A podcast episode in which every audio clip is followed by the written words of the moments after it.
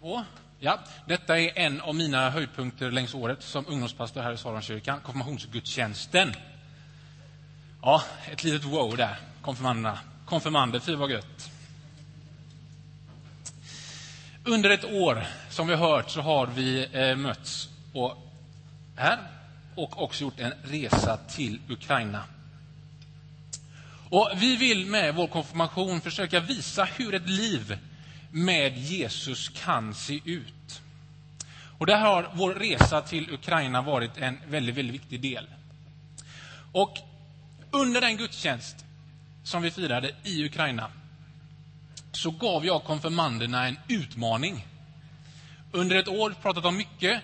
Vi landade i någonting, gjorde den här resan tillsammans och så gav jag dem en utmaning. Och Jag vill påminna er om den utmaningen. Och Det är även en utmaning för mig och det är en utmaning för kyrkan. Och förhoppningsvis kan det också bli en utmaning för just dig. Det är inte varje dag man har en Hemköppåse med sig fram hit, men det, det har jag idag. Och livet kan symboliskt beskrivas med olika saker som beskriver olika delar av livet. Hängde ni med på den? Om vi börjar här då så tar jag fram en Coca-Cola-flaska. Vad symboliserar denna? Ja, vi säger att den symboliserar mat och dryck. Och då tänker några, hur kan Coca-Cola symbolisera mat och dryck? Jo, åker man till Ukraina så upplever många konfirmander att himmelriket är nära. För en och en halv liter cola kostar 6 kronor. Så att det handlar mycket om att köpa billig Coca-Cola. Och det är ju väldigt gott. Ja. Så om det symboliserar mat och dryck så vet vi att vi behöver mycket mer än Coca-Cola för att överleva. Så den kan ju symbolisera det, mat och dryck. Sen har jag också med mig en t-shirt. Eh, inte en av favorit-t-shirtarna, men ändå en svart t-shirt som får symbolisera kläder. Det vet vi att vi behöver det kan också bli ett intresse, det kan bli ett yrke, men vi behöver kläder. Och sen har jag också med mig en CD-skiva. Idag så är det Bruce Springsteen. Och ni kommer förstå lite eh, varför senare i gudstjänsten här. Men den här får symbolisera fritid. Musik är för många kopplat med fritid. Man lyssnar, man spelar, man njuter av musik. Så det här symboliserar fritid. Och sen hade jag någonting så värdefullt som jag inte vågar lägga i påsen. Och det är en hundralapp. Pengar.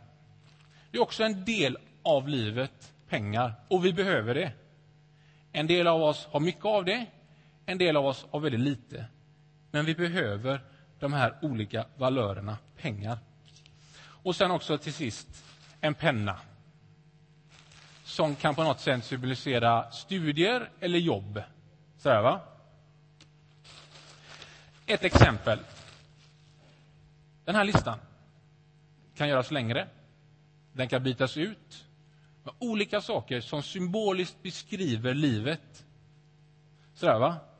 Men sen vet vi också att livet är så mycket mer än de här olika grejerna. Jag skulle säga att det mest centrala i livet för oss, det är relationer. Alltså relationer mellan människor, mellan släkt och vänner sådär va? och skolkamrater och massa olika människor. Och Det där är ju fantastiskt med relationer, men kan också vara väldigt, väldigt svårt. Men sen har vi också faktiskt relationen med oss själva. Alltså, vem är jag? Hurdan är jag? Självförtroendet, självbilden. En slags relation. Hur ser man på sig själv? Hur tänker man sig själv? En relation med sig själv. På Jesu tid så levde det israeliska folket med en ordning, något som kallades lagen, som skulle hjälpa dem att leva livet. Och Lagen var en väldigt viktig del för samhället, för samhällets ordning och hur man skulle leva. Lagen var en hjälp för gemenskap, för relationer. Men den här lagen den diskuterades för hur ska den tolkas? Och Jesus, han fick frågan om vilket av buden som är det största och viktigaste i den här lagen, i den här ordningen. Och det är ju liksom en kunskapsfråga. Absolut, liksom vet du? Men det är också en djupare fråga. Vad är det mest centrala i Guds tankar om livet? Och Jag tänkte vi skulle läsa det. Om du har fått en bibel så ska vi läsa det från Matteusevangeliet kapitel 22 vers 34-40. Och det är på sidan 697.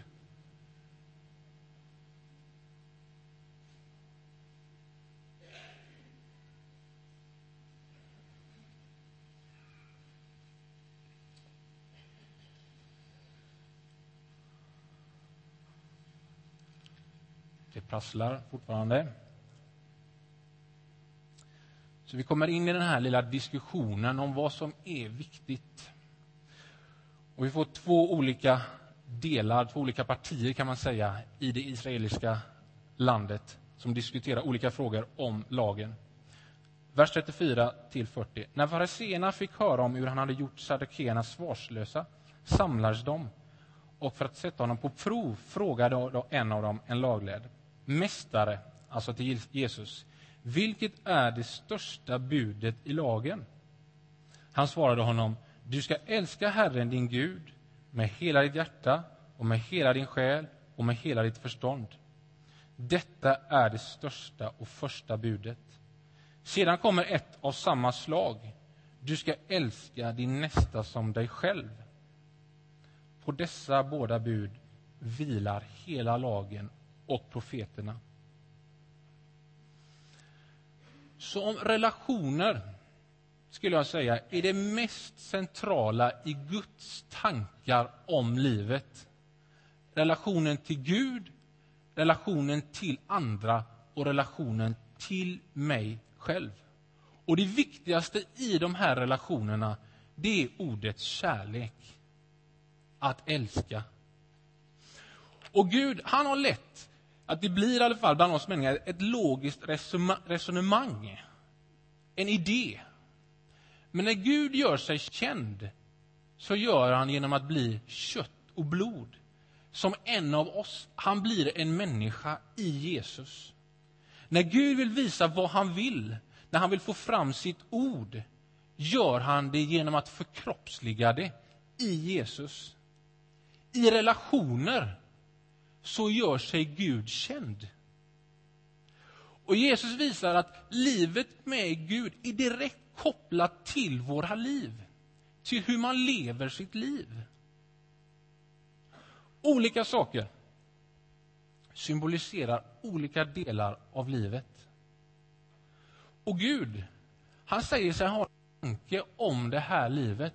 Att han vill vara en del av det här livet.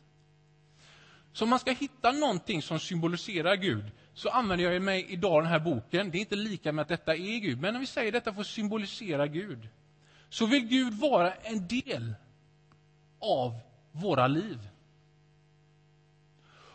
Och Jesus bjuder in oss till att leva kärleksfullt mot Gud, mot andra och mot oss själva. Och de här grejerna, som förstår det, är det inget Gud tycker är fel. Sådär. Vi behöver de här olika sakerna. Men det finns något mer. Guds tanke, Guds dröm, Guds plan. Det finns många namn.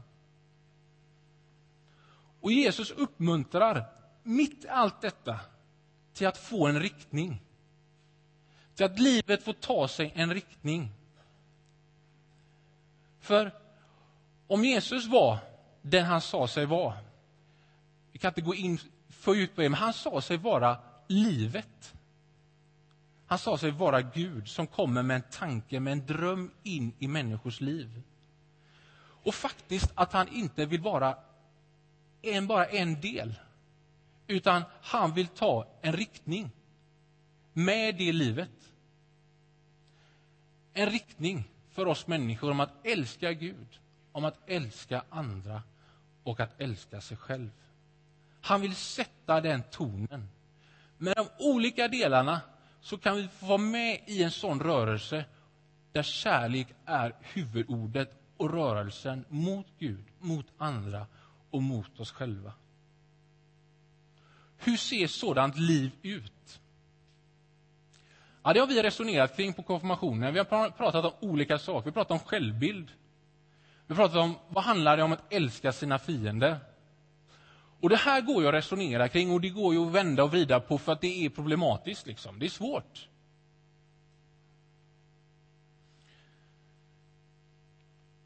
Men vi har försökt med konfirmationen börjat försöka liksom visa också, samtala, problematisera, men också försöka visa hur ett sånt liv kan se ut.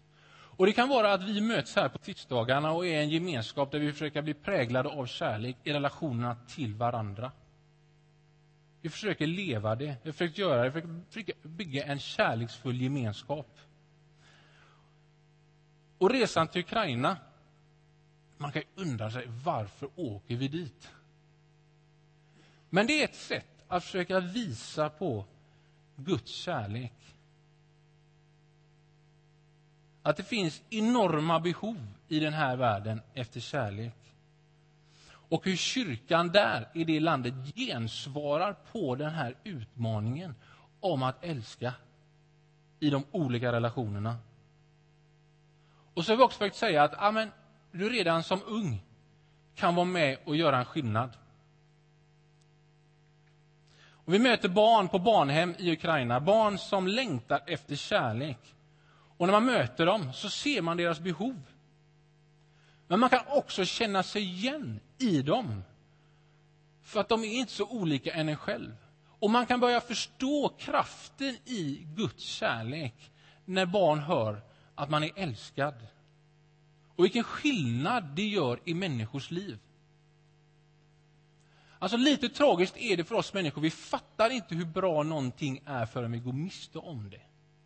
Så när man ser på de här barnen som i många fall inte har upplevt kärlek, får lite sånt och ser behoven, då fattar man vilken kraft kärleken är.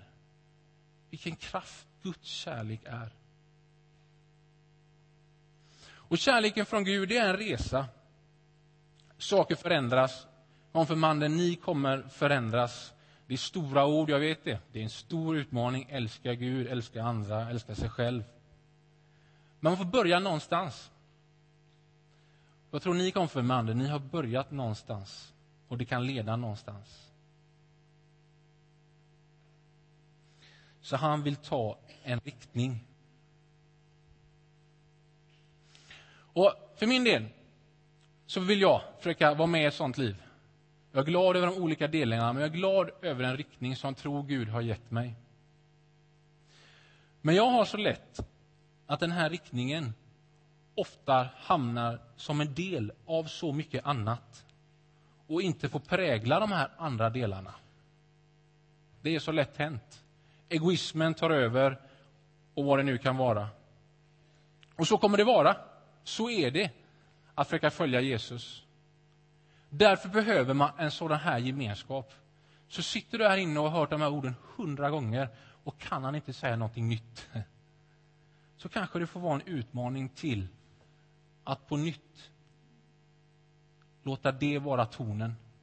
Guds kärlek till andra och till mig själv.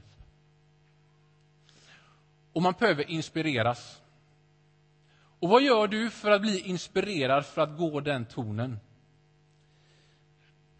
Jag lyssnar på Bruce Springsteen. Den 11 september det är ett datum som vi alla kopplar an till någonting som förknippas med en tragisk och fruktansvärd händelse. Ett terrorattentat mot USA och i New York mot World Trade Center. Vi kanske måste säga Bruce Springsteen, det är lite av New Jerseys Håkan Hellström kan man säga. Han är lite större. Så han är nästan världens Håkan Hellström kan man säga. Om, om man inte... Här. han är en legend. Han, New Jersey är grannstaden till New York, så han drabbas ju väldigt mycket av detta som händer. Och man bearbetar olika saker på olika sätt. Och Bruce Springsteen bearbetar det här som händer med att ge ut en skiva. Han skriver texter om det som han får vara med om. Och han skriver bland annat en text som vi ska få höra alldeles strax som handlar om de brandmän som levde i New York. Som när de här husen blev, började brinna och på väg att falla, då är det många brandmän som springer in i husen. För att rädda människor, för att rädda det som kan. Att de lämnar sitt egna liv för att rädda andras i ett hus som brinner. Och en låt som han skrivit till på någon slags en hyllning till dem. Men också att man kan lära sig någonting av dem. I den kristna berättelsen så är Gud en Gud som räddar. I en värld som brinner, faktiskt på många olika sätt, så visar Gud genom Jesus att han tror på mänskligheten. Att han hoppas på mänskligheten och att han älskar människor. Och för den som vågar tro det så blir riktningen att följa Jesus. Motivationen finns i Jesus, han gjorde detta. Han visade att Gud tror, hoppas och älskar människor. Och därför vill jag försöka älska människor, hoppas på människor och tro på andra människor.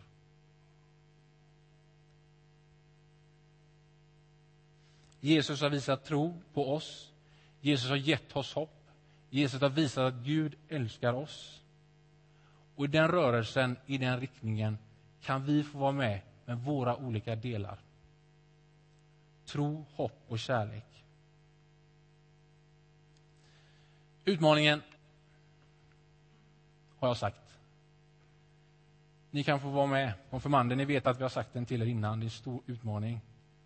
Men vi drömmer lite om att ni ska få vara med i den utmaningen. Och alla andra som sitter här också. Att finnas med i det som Gud vill göra i den här världen. Och nu ska vi få lyssna på en Bruce Springsteen-låt, Into the Fire.